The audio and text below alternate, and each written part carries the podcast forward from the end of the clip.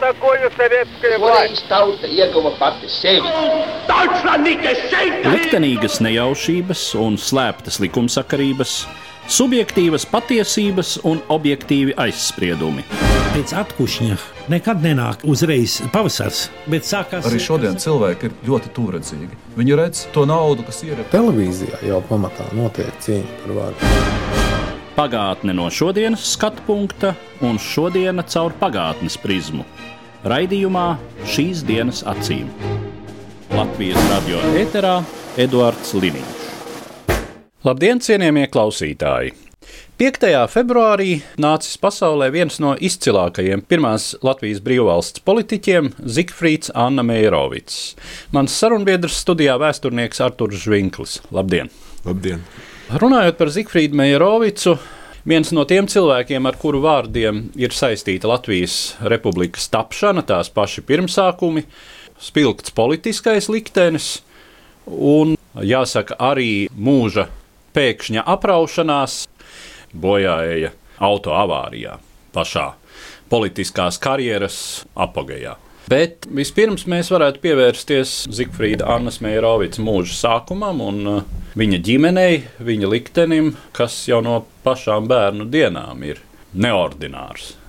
Zifrīda Annas Meirovicas tēvs, kristītā vārdā Hermanis, bet kristījies jau būdams pieaudzis cilvēks, bet dzimis kā Haims Meirovicas, ortodoksālā kuldīgas ebreju ģimenē. Tad iemīlēšanās latviešu meitenē, ģimene, kuru neatzīst tēva radinieki, kā tas varētu būt diezgan tipiski šim laikam. Diemžēl māte mirst dzemdībās, kāpēc viņam ir šis otrais vārds. Anna, tas ir mātes vārds, kas dots par godu mātei, kura mirst, laižot viņu pasaulē, un diemžēl tēvs arī drīz pēc tam nonāk psihiatriskajā slimnīcā, tā ka Zikfrīds Anna Mērovics aug latviešu vidē un latviešu ģimenē. Un vispirms par šo vidi, kura viņu veidoja savā laikā. Viņš ieguva komerci izglītību. Un jau visai agri parādīja interesi par politiskām lietām, par politisko dzīvi, kas tajā laikā ritēja Krievijas impērijas sastāvā. Viņa politiskās darbības sākums ir viņa darbošanās Pirmā pasaules kara laikā Latviešu bēgļu apgādāšanas centrāla komitejas sastāvā. Runa ir par 1917. gadu. Līdzīgi kā daudzi topošie latviešu politiskie darbinieki, arī Meijerovics saglabāja ilūzijas, ka Latvijai acīm redzot būtu jāpaliek kā autonomai vienībai Krievijas sastāvā protams, visu iekšējo jautājumu izlemšanai, izveidojot savu pašpārvaldi. Politiskie pretinieki šādi izmantoja šo lietu, lai atgādinātu Meijerovicam kādu sanāksmi 1917. gadā, kur Meijerovics lūk, esot brīdī, kad sākušās runas par to, ka Latvijai vajadzētu varbūt virzīties uz neatkarību, pateicis, ka tas pilnīgi nesot iespējams, un ja šādas runas turpināšoties, tad viņam lūk, nesot vairs šeit ko darīt, tad ir jāatgriežas pie situācijas 1917. gadā Krievijā pēc februāra revolūcijas. Likās, ka Krievija nostājas uz demokrātiskas valsts pamatiem. Tiek veidota demokrātiska Krievijas republika. Valsts, acīm redzot, kur respektēs nacionālās minoritātes, kur respektēs mazākumtautības, lai gan paralēli bija smaga vilšanās ar atsevišķiem Kerenska izteikumiem un citu pagaidu valdības pārstāvju darbību un rīcību. Vislavenākā, protams, ir ļoti pazīstama, ka latvieši grib uh, autonomiju, nu tad jau viņa jādod arī samojediem. Šeit, sas... jā, jā, šeit saskatīja tādu aizvainojošu tendenci. Bet vēl viens moments, un kas Meijerovicam bija ļoti svarīgi vēlāk, arī izpaudās viņa ārlietu ministra darbībā. Krievija karo Pirmā pasaules karā. Viņai ir sabiedrotie. Nu, pat kā karā iestājusies arī Amerikas Savienotās valstis, kuras īpaši ir deklarējušas, ka tagad, lūk, viņas redzot, ka Krievija kļūst par demokrātisku valsti, ka šajā blokā, kas cīnās ar Vācijas, Austro-Ungārijas impērijām, vairs nav nevienas absolūtas monarhijas. Šis karš, lūk, iegūstot tādu kara par demokrātijas raksturu Krievijas sabiedrotajiem. Neprāt prātā nevarēja šai brīdī pat nākt doma vai pieļāvums, ka šeit varētu celties kāds jautājums par neatkarības došanu Krievijas malieņu zemēm. Autonomija, jā, tā ir Krievijas valsts iekšējā lieta. Tātad e, situācija e, Meijerovics acu priekšā bija tieši tāda, kāda viņa bija reāla politiskā situācija, kura neiezīmēja reālas iespējas, ka Latvija varētu tapt par neatkarīgu valsti šajā brīdī. Notika pēc tam gada beigās oktobra apvērsums. Varu pārņēma bolševiki ar Ļeņinu priekšgalā, bet arī tas vēl eh, nebija rietumiem nekāds rādītājs šajā ziņā. Viens viedoklis bija pat tāds, ka varbūt pagaidām samierināties ar Ļeņina valdību un uzspiest uz viņu un panākt vienošanos, ka viņš šo karu turpina. Otrs viedoklis izgāja no tā, ka režīms likās tik nejēdzīgs, neiespējams. Cerēja, ka viņš sagrūs burtiski dažu nedēļu vai dažu mēnešu laikā pats no sevis. Un, protams, Krievija atkal būs normāla valsts, ar kuru vajadzēs rēķināties, kur atkal būs svarīgs sabiedrotais, un viss nostāsies savās vietās. Tāpat tas turpinājās vēl visu 18. gadu. Tas turpinājās visu 19. gadu. Būtībā tas turpinājās vēl 20. gadā, un iespēja, ka rietumi, lielvalstis juridiski de jure teikt, atzīs Latvijas un pārējo no Krievijas impērijas atdalījušos valstu neatkarību, būs iespējama tikai tad, kad būs noregulētas šīs attiecības ar eh, Padomju Krieviju. Tā tas arī pierādījās. Bet te jāņem vērā, ka Meijerovics ļoti ātri izprata situāciju un jau 1918. gadā, vēl pirms Latvijas valsts proklamēšanas, vēl pirms Tautas padomas izveidošanas, uzsāk aktīvu darbību kā Latviešu pagaidu Nacionālās padomjas ārlietu nodaļas vadītājs. Un Latvijas de facto atzīšanu no Lielbritānijas Zigfrīds Meijerovics panāca nedēļu pirms vispār tika proklamēta Latvijas valsts, un tas ir tieši Meijerovica nopelns. Es te gribēju piebilst par politiskiem grupējumiem latviešu sabiedrībā, jeb Latvijas sabiedrībā Pirmā pasaules kara noslēguma periodā. 17. gada pavasarī tika izveidota toreiz ar nosaukumu Latviešu zemnieku savienība, pati nozīmīgākā latviešu pilsoniskā politiskā partija. Un Meijerovics iegāja gan šajā politiskajā partijā un bija tas, kas sasaistīja kopā Latviešu pagaidu Nacionālo padomi, vēlāk ar Zemnieku savienību un vēlāk ar arī ar tautas padomi, jo mēs zinām, ka cita virziena politiķi, tādi kā Arvids Bergs, ļoti ilgi saglabāja apvainojumu sevī par to, ka viņš lūk nav aicināts un ka Nacionālā padome lūk ir ignorēta un atstāta, vai tā vietā speciāli Ulmanis ir veidojis jaunu orgānu no politiskām partijām tautas padomi. Tā kā Meijerovics izrādījās arī savā ziņā kā tāds tilts starp latviešu toreizējām pilsoniskajām politiskajām organizācijām. Mazliet jāatgādina šie vēsturiskie apstākļi arī latviešu politiskās organizēšanās aspektā. Tātad Latviešu pagaidu Nacionālā padome, kas tika izveidota 1917. gadā Vācijas neokupētajā Krievijas daļā, arī ar mērķi risināt šo latviešu pašnoteikšanās jautājumu, bet, kā zināms, lielākā Latvijas teritorijas daļa tobrīd jau bija Vācijas okupēta. Un šeit risinājās, nu, varētu teikt, tāds paralēls process veidojoties savukārt tā sauktiem demokrātiskajam blokam ar Ulmani priekšgalā. Un tad nu, bija jautājums, kā šo abu organizāciju darbību sasaistīt, vēl ievērojot to, ka pa vidu tomēr bija vispirms fronte, pēc tam Bolševiku valdībai vienojoties ar vāciešiem demarkācijas līniju, bet tomēr tās bija divu lielvalstu joprojām kontrolētas teritorijas un darbošanās divās varas telpās pastāvīgi mainīgi apstākļi, kuros par dominējošo spēku pasaulē kļūst Pirmā pasaules karā uzvarējušie rietumu sabiedrotie. Vācija kapitulē 1918. gada 11. novembrī, un tā ir tā pati diena, kad Zifrīds Anna Meirovics saņem Britu ārlietu resora vēstuli ar Latvijas de facto atzīšanu. Par to mums tad arī laikam ir jārunā pamatīgāk, kā tad viņam tas izdevās un kas bija tie apstākļi, kas viņam ļāva to īstenot. Viens no ļoti nozīmīgiem faktoriem bija tas, ka tuvojās noslēgumam Pirmais pasaules karš, un šajā brīdī Meijerovicam izdevās izmantot Lielbritānijas bažas par vācu iespējamiem plāniem Baltijas telpā šī pasaules kara noslēguma periodā un pēc šī noslēguma, jo, kā mēs zinām, Latvijas teritorijā vēl aizvien atradās Vācijas karaspēks un tika kaldināti dažādi plāni par Baltijas hercogu valsti. Un, protams, ka Lielbritānija ar visu savu politisko atturību nevarēja šajā brīdī būt ieinteresēta šādā risinājumā. Nu, pāriesim tieši pie šī ceļa, kā Meijerovicam izdevās sasniegt šo de facto atzīšanu. Tas nebija viegli.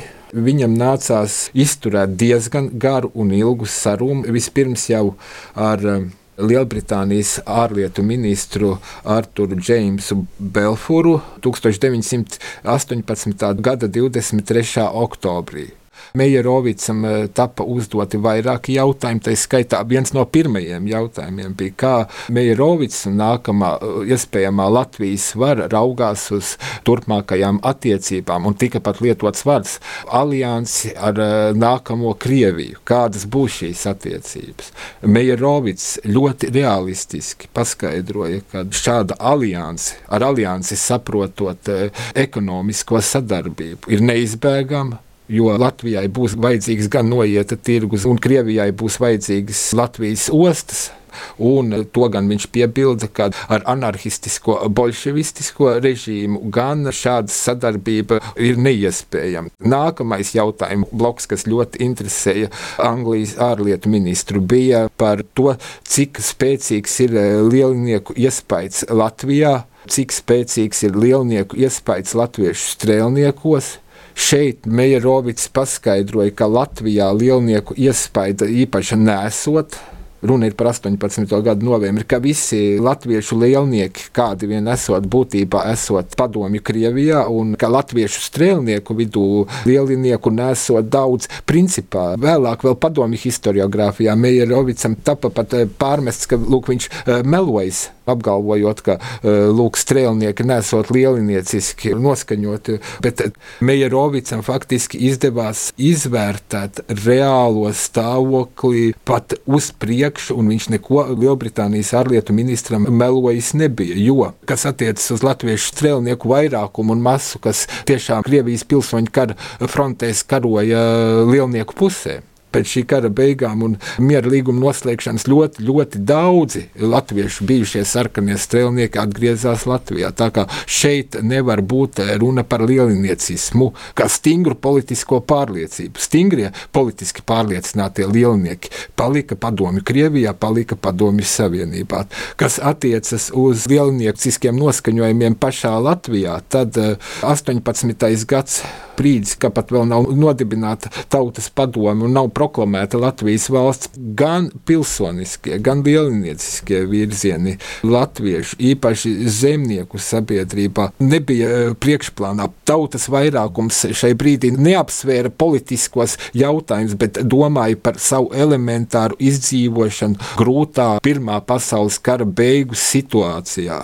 Un arī, kas attiecas uz 19. gada sākuma notikumiem, ne jau aiz lielinieciskās pārliecības ļoti plašas aprindas pauda šo atbalstu sākotnēji ar pat Stučkas valdībai. Runa bija par to, ka viņi uztvēra lūk, kad beidzot ir kāda vara, kas sola efektīvi, radikāli, vienkārši atrisināt agrārās problēmas radikāli vienkārši primitīvi pat atrisināt jautājumu ar privileģētiem slāņiem, tas ir respektīvi privileģēto baronu slāni, viņu vispār aizvākt, kamēr lūk, latviešu pilsoniskās aprindas skaidru valodu vēl nebija pauduši šajos jautājumos, tad vienkārši šis primitīvais skaidrojums spēja dot atbildes uz visiem jautājumiem, vienkāršas, demagoģiskas, populistiskas, guva tādu vispārēju ievērību un tika pieņemta tas, ir pilnīgi saprotama lieta. Otrs moments, ļoti būtisks. Latvijas valsts nebija bijusi. Latvija bija nācija bez valsts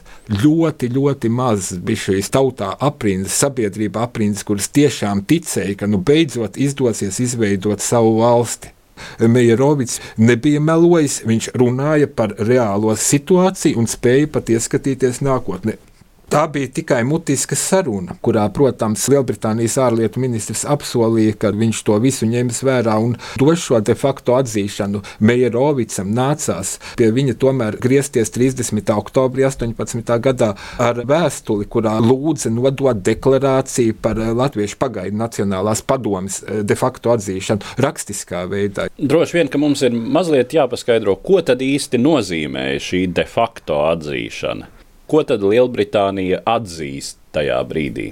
18. gada 11. novembrī ar Anglijas ārlietu ministra Belfūra vēstuli Meijerovicam atzīta tika nevis Latvijas valsts, bet kā latviešu pārstāvības orgāns Latviešu pagaidu Nacionālā padome. Tur gan lietoja vārdus Latviešu Nacionālā padome, kā latviešu pilnvarota iestāde un pieņemts Meijerovits tika kā latviešu pagaidu valdības oficiāls diplomātiskais priekšstāvis. Tāds formulējums šajā Belfūra vēstulē tika lietots pat pirms tam, kad faktiski vēl latviešu pagaidu valdība nepastāvēja. Tā kā tā bija topošas valsts atzīšana de facto. Ko mēs vēl varam teikt par Meijerovica lomu Latvijas neatkarības iegūšanas procesā? Tālākais ļoti būtiskais moments de facto vēl nenozīmē starptautiski tiesisku atzīšanu, jeb atzīšanu de jure.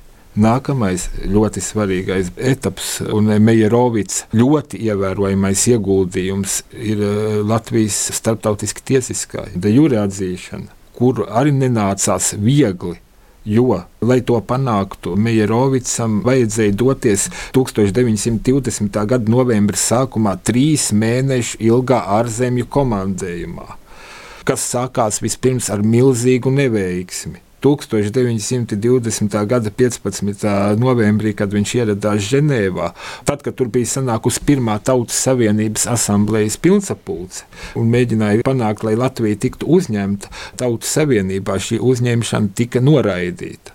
Nākamais Meijerovīca ceļš veda uz Romu. Itālijā, kas bija diezgan nozīmīgs arī sabiedrotā. Itālijā Meijerovits sagaidīja daudz siltāku uzņemšanu, gan karalis Viktors Emanuels, gan, kas ir ļoti būtiski un dažkārt tiek dažādi interpretēts, un padomju laikā tika dažādi interpretēts, ļoti svarīga bija vēlāk arī Benito Mussolini nostāja kurš ļoti atbalstīja un iestājās par Latvijas starptautisku tiesisku atzīšanu, un nevelti viņam savā laikā tika piešķirts Latvijas kara ordeņa pirmā šķira.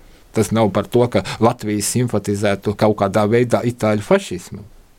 Nu, jā, jā. Itālijas pozīcija ir tāda īpaša šajā Pirmā pasaules kara noslēgumā, jo Itālija ir arī valsts, kas zināmā mērā cenšas apliecināt sevi kā pirmā lieluma spēku starptautiskajā politikā tajā brīdī. Un tā ir Itālijas starptautisku politisko ambīciju spēle, kurā Latvija tiek izspēlēta kā viena no kārtīm. Pie tam arī jāpiebilst, ka Romā reizē Meijerovits apmeklēja arī Vatikānu un saņēma toreizējā pāvesta Benedikta 15. atbalstu.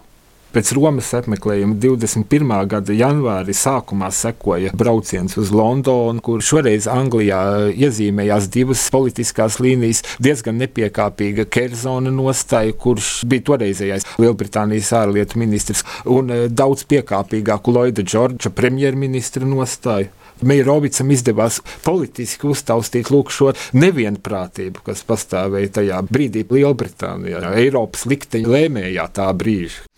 Pēc tam atkal došanās uz Parīzi, un beidzot, beidzot tas ir 26. janvāris, kad Parīzē sabiedroto augstāko padome atzina Latvijas eh, de jure tieši 21. gada 26. janvārs. Vēl viens ļoti būtisks moments, par ko faktiski ir jārunā vienlaicīgi, tas ir eh, Meijerovica centieni izveidot kolektīvas drošības sistēmu runāt par Baltijas reģionu plašākā izpratnē. Te pieminama Bulduru konference no 1920. gada 6. augusta līdz 6. septembrim, tātad mēnesi notikusi, pateicoties lielā mērā Meijerovica pūliņiem, izveidota tika Baltijas valstu padome, skan ļoti mūsdienīgi. Jā. Bet, eh, diemžēl, toreiz eh, šīs padomas darba mūžs izrādījās ļoti īss. Tika izstrādāti pat militārās konvencijas meti, tātad kolektīvās aizsardzības līgums.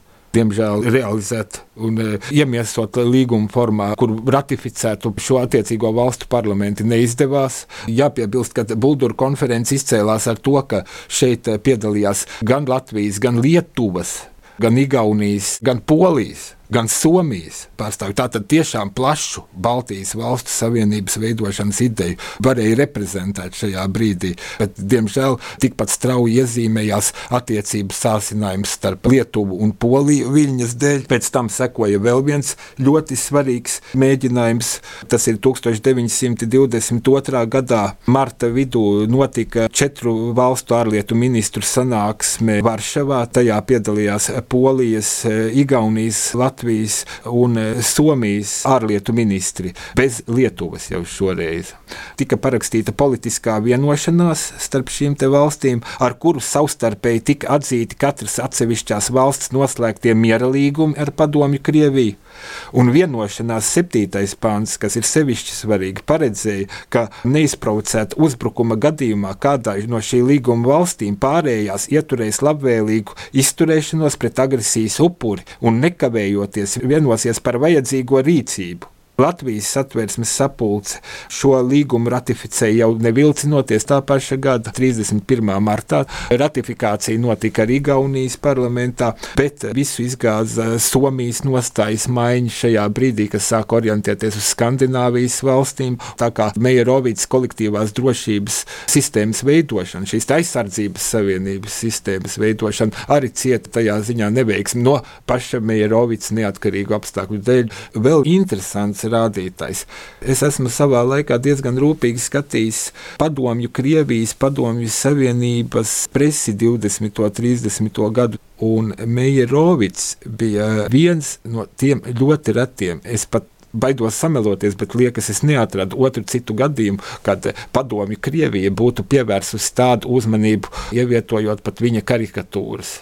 Tas ir ļoti Jā. nozīmīgi. Teiksim, Jā. fotoportrets tas nu tā, bet ja tavs karikatūras ievieto, tad tas nozīmē, ka tu esi politikā visai redzama figūra. E, tieši tā, un padomju Krievija, protams, saskatīja Meirovicā talantīgu un nopietnu pretīm stāvētāju savām iespējams tālējošajām interesēm šajā brīdī. Vienīgais reālais panākums bija līgums par aizsardzības savienību starp Latvijas un Igaunijas republikām, kurš tika parakstīts Tallinā 1923. gada 1. novembrī un ratificēts attiecīgi saimā tā paša gada 14. decembrī, kura trešais pants skaidri un viennozīmīgi paredzēja, ka neizprovocētas agresijas uzbrukuma gadījumā vienai no šī līguma valstīm, tātad Latvijai vai Igaunijai, otra puse automātiski uzskata, ka viņa atrodas kara stāvoklī ar uzbrucēju. Tā bija tieša aizsardzības savienība. Un e, te jāsaka, ka 1940. gadā, kad Kirkensteina valdība tika izveidota, viens no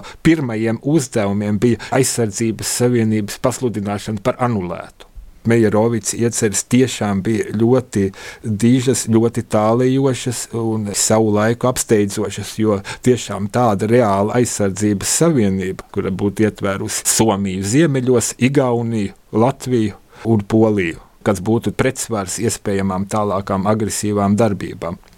Protams, ka mēs varam tikai vēlreiz novērtēt Zikfrīda Annas Meirovica izpratni, jo viņš patiešām ļoti skaidri, varbūt atšķirībā no dažu labu savu kolēģi tā laika Latvijas politikā, saprata, ka Latvija viena savu drošību garantēt nevar un ka vienīgā iespēja kā šī austruma Eiropas telpa starp Krieviju un Vāciju var saglabāt savu neatkarību. Tā tad tiešām ir ļoti cieša kopīga aizsardzības politika starp visām jaunajām austruma Eiropas valstīm. Tam nebija lemts piepildīties. Ja tas būtu citādi, droši vien varētu ietekmēt visas Eiropas un visas pasaules politisko klimatu, un kas to zina, kāda varētu būt 20. gadsimta vēsture. Ārpolitiskā darbība un šie plāni, nu, tas ir tas vadmotīvs, ar kuru mēs vispār pamatā atceramies Zikfrīda Annas Meijerovica darbību pirmās brīvvalsts politikā. Viņš pāris reizes ieņēma arī ministra prezidenta posteni. Ko mēs varam teikt par citu ar vairāk Latvijas iekšējām lietām saistīto Meijerovics darbību? Meijerovics uh, ieņēma reizē gan uh, ministra prezidenta, gan ārlietu ministra amatus no 1921. gada jūnija līdz 1923. gada janvārim, un pēc tam no 1923. gada jūnija līdz 1924. Gada janvārim. Ļoti būtiska ir kāda ministru kabineta sēde, kas notika 1922. gada 9. decembrī, kurai bija jālemj ļoti nepatīkams jautājums par to, ka būtu jāsoda avīzes Latvijas sargs redaktors personīgi par to, ka šajā izdevumā parādījušās vesela sērija antisemītisku publikāciju, gan antisemītisku karikatūru, gan īpaši garš apcerējums, kas saucās aktīvais nacionālisms latviešu studentībā, kas aizstāvēja korporāciju piekoptos gadījumus, kad ebrejs varētu arī piekaut ka tas ir latviešu aktīvu nacionālistu studentu cienīga rīcība. Šajā valdības sēdē Meijerovics teica, ka žīdu sišana nav nekāda kultūras vai nacionālisma aizstāvēšana, bet pašpuicisms, kuram jādara gals. Un pateicoties Meijerovics eh, stingrai stājai, avīzē tika uzlikts maksimālais tā brīža administratīvais naudas sots 25 tūkstoši rubļu apmērā. Kāds varētu tad šodien teikt, nu jā, Meijerovics bija pusebrejs, Nu, skaidrs, ka savējos gribēs aizstāvēt, bet vienā balsī ar viņu runāja viss ministru kabinets. Tas tajā brīdī bija, protams, vienprātīgs Latvijas Republikas ministru kabineta lēmums. Protams, tā kā Meijerovics pārstāvēja Zemnieku savienības demokrātisko spārnu, viņam bija diezgan lielas domstarpības ar Kārli Ulmani kuram bija mazliet cita pieeja politisko jautājumu risināšanā, kas izpaudās darījumos, sarunāšanā, aizkulisku veikalos. Meijerovics savukārt iestājās tieši par demokrātisko procesu. Par un, politiskā procesa jā, caurspīdīgumu. Jā, kā mēs, mēs to varētu teikt. drīzāk teikt, jā, par politiskā procesa caurspīdīgumu. Un šai gadījumā Meijerovics pat esot apsvērs iespēju, ka Ulmani varētu nosūtīt par sūtni uz Amerikas Savienotajām valstīm. Runājot par Meijerovica bojāēju, tad viņš iet bojā auto avārijā. Tas ir viens tāds temats, kas laiku pa laikam uzpeld. Vai tā bija nejaušība, vai tas tiešām bija nelaimes gadījums, ja tas tomēr varbūt bija atentāts, ievērojot Meijerovica ārpolitiskās aktivitātes vai viņa nozīmi arī Latvijas iekšpolitikā, vai nebija kāds, kuram ļoti vajadzēja novākt kā mēs tā žargonā teiktu, Zigfrīdu Annu Meijerovicu. Es šai gadījumā negribētu būt īstu sazvērestības teoriju piekritējs, ņemot vērā šīs autoavārijas apstākļus. Meijerovics, ja es nekļūdos, bija vienīgais bojā gājušais. Faktiski nospiests ar mašīnas korpusu, inscenēta tik precīzi negadījumu tāda veida avārija. Nu, iedomāsimies kādu, kas veids un gatavo šāda veida atentātus vai uzbrukumus. Šīs organizācijas jau no laika gala rīkojās ļoti profesionāli un ar garantiju. Šāda veida autoavārija garantiju nedotu. Tas ir, protams, drausmīgs nelaimes gadījums, jo Latvijai pēc tam tas, nu jāsaka atklāti, vairs nelaimējās īsti ar ārlietu ministriem. Bija spējīgi cilvēki, bija no sociāldemokrātiem nākušais Fēliks Cielēns, īsu laiku ievērojamais diplomāts Kārlis Zariņš ieņēma ārlietu ministra amatu, bet pārsvarā gadījumā ārlietu ministra amats kļuva par goda piedevu, un diemžēl, diemžēl arī pēc Latvijas valstiskās neatkarības atgūšanas 91. gadā. Mums pietrūkst tādas izcilas ārlietu, pārzinošas ārlietu vadības spējīgas personības, kuras vadot ārlietu ministriju spētu gūt tādus panākumus, kādus guva Zikfrīds Anna Meijerovics no nekā radot Latviju kā starptautiski atzītu, normālu pasaules sabiedrības locekli. Varētu vien piebilst, Cerēsim, ka Raina vārdiem runājot, pēc simts gadiem atkal nāks, un Latvijas ārlietu resoru vēl kādreiz vadīs kāds tikpat izcils cilvēks, kāds bija Zikfrīds Anna Meirovics. Un saku paldies par šo sarunu manam sarunbiedram, vēsturniekam Arturam Žvinklim. Paldies! Paldies! Par pagātni sarunājas Eduards Līniju.